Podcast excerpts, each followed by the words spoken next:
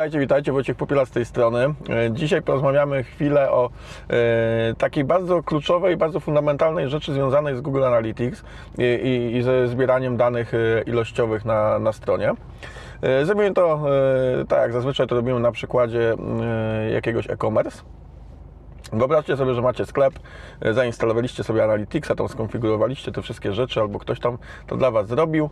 E, jakiś czas sobie tam zbieracie, na przykład, e, nie wiem, pierwszy miesiąc, tak, wchodzicie do tego Google Analyticsa, no i widzicie, że dane są niekompletne.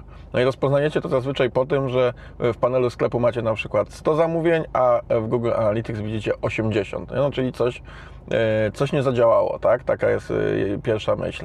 E, I to jest pytanie i sytuacja, która powraca absolutnie jak bumerang. Ja się dziwię, że Google jeszcze nie zrobił jakiegoś, nie wiem, wielkiego baneru, który by o tym informował, że tak jest. Albo nie wiem, w jakimś widocznym miejscu jakiegoś ostrzeżenia, a przynajmniej ja nie widziałem, żeby coś takiego powstało żeby to było gdzieś jakoś mocno komunikowane, a wydaje się, że powinno. Sprawa wygląda następująco. Google Analytics nie zbiera 100% danych. Nie? Pewnie by chciał, ale nie zbiera i powód tego jest bardzo prosty. Yy, Na yy, świecie ogólnie jest teraz taki trend i jakby bardzo dużo się o tym mówi i bardzo dobrze o tym, żeby chronić własną prywatność, żeby yy, nie dawać się yy, śledzić, żeby zwracać uwagę kto, co, jakie dane zbiera o nas, o naszej aktywności w sieci i tak dalej. No więc mamy te rozmaite blokery, mamy te, te rozmaite zgody na śledzenie i tak dalej. Zresztą w myśl RODO w ogóle, żeby można było nas śledzić, to powinniśmy na to wyrazić zgodę. Więc jakby od tego zacznijmy.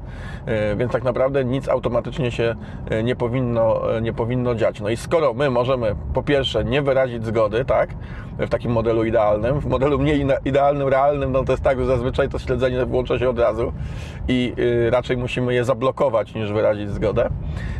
Czyli jeśli mamy jakie, jakieś blokery, no to wtedy te dane po prostu do tego Google Analytics no, nigdy, y, nigdy nie trafiają. Nie? I o ile nie wyślemy ich w jakiś inny, y, inny sposób, no to, y, to nie ma y, takiej, takiej możliwości. Nie? Także w tym podstawowym modelu, jak działa Google Analytics, to po prostu tak jest, że część ruchu jest utracona.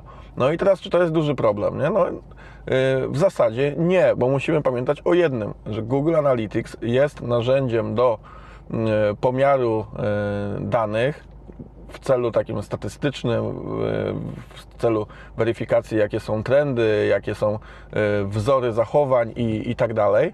A to nie jest jakieś narzędzie, nie wiem, księgowe, czy jakieś narzędzie, yy, nie wiem, sprzedażowe i tak dalej, yy, w którym mamy zawsze jeden do jednego, no bo analizujemy bardzo dokładnie naszą wydajność, czy nasze procesy, czy nasze lejki sprzedażowe, czy cokolwiek tam innego, gdzie jakby ta dokładność musi być yy, jeden do jeden praktycznie, żeby to miało, miało sens.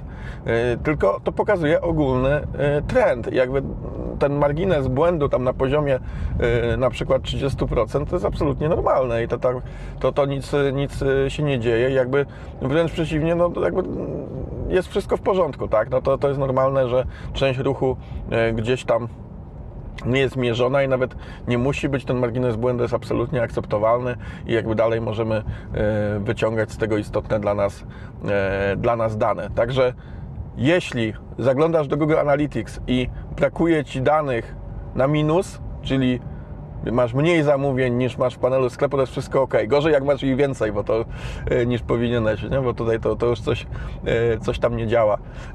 Więc e, w ten sposób. Jeśli jest ich mniej, to wszystko jest w porządku, możesz się tym nie przejmować. Nie ma co szukać tam jakichś, jakichś sposobów, żeby nie wiem, to, to naprawiać i tak dalej.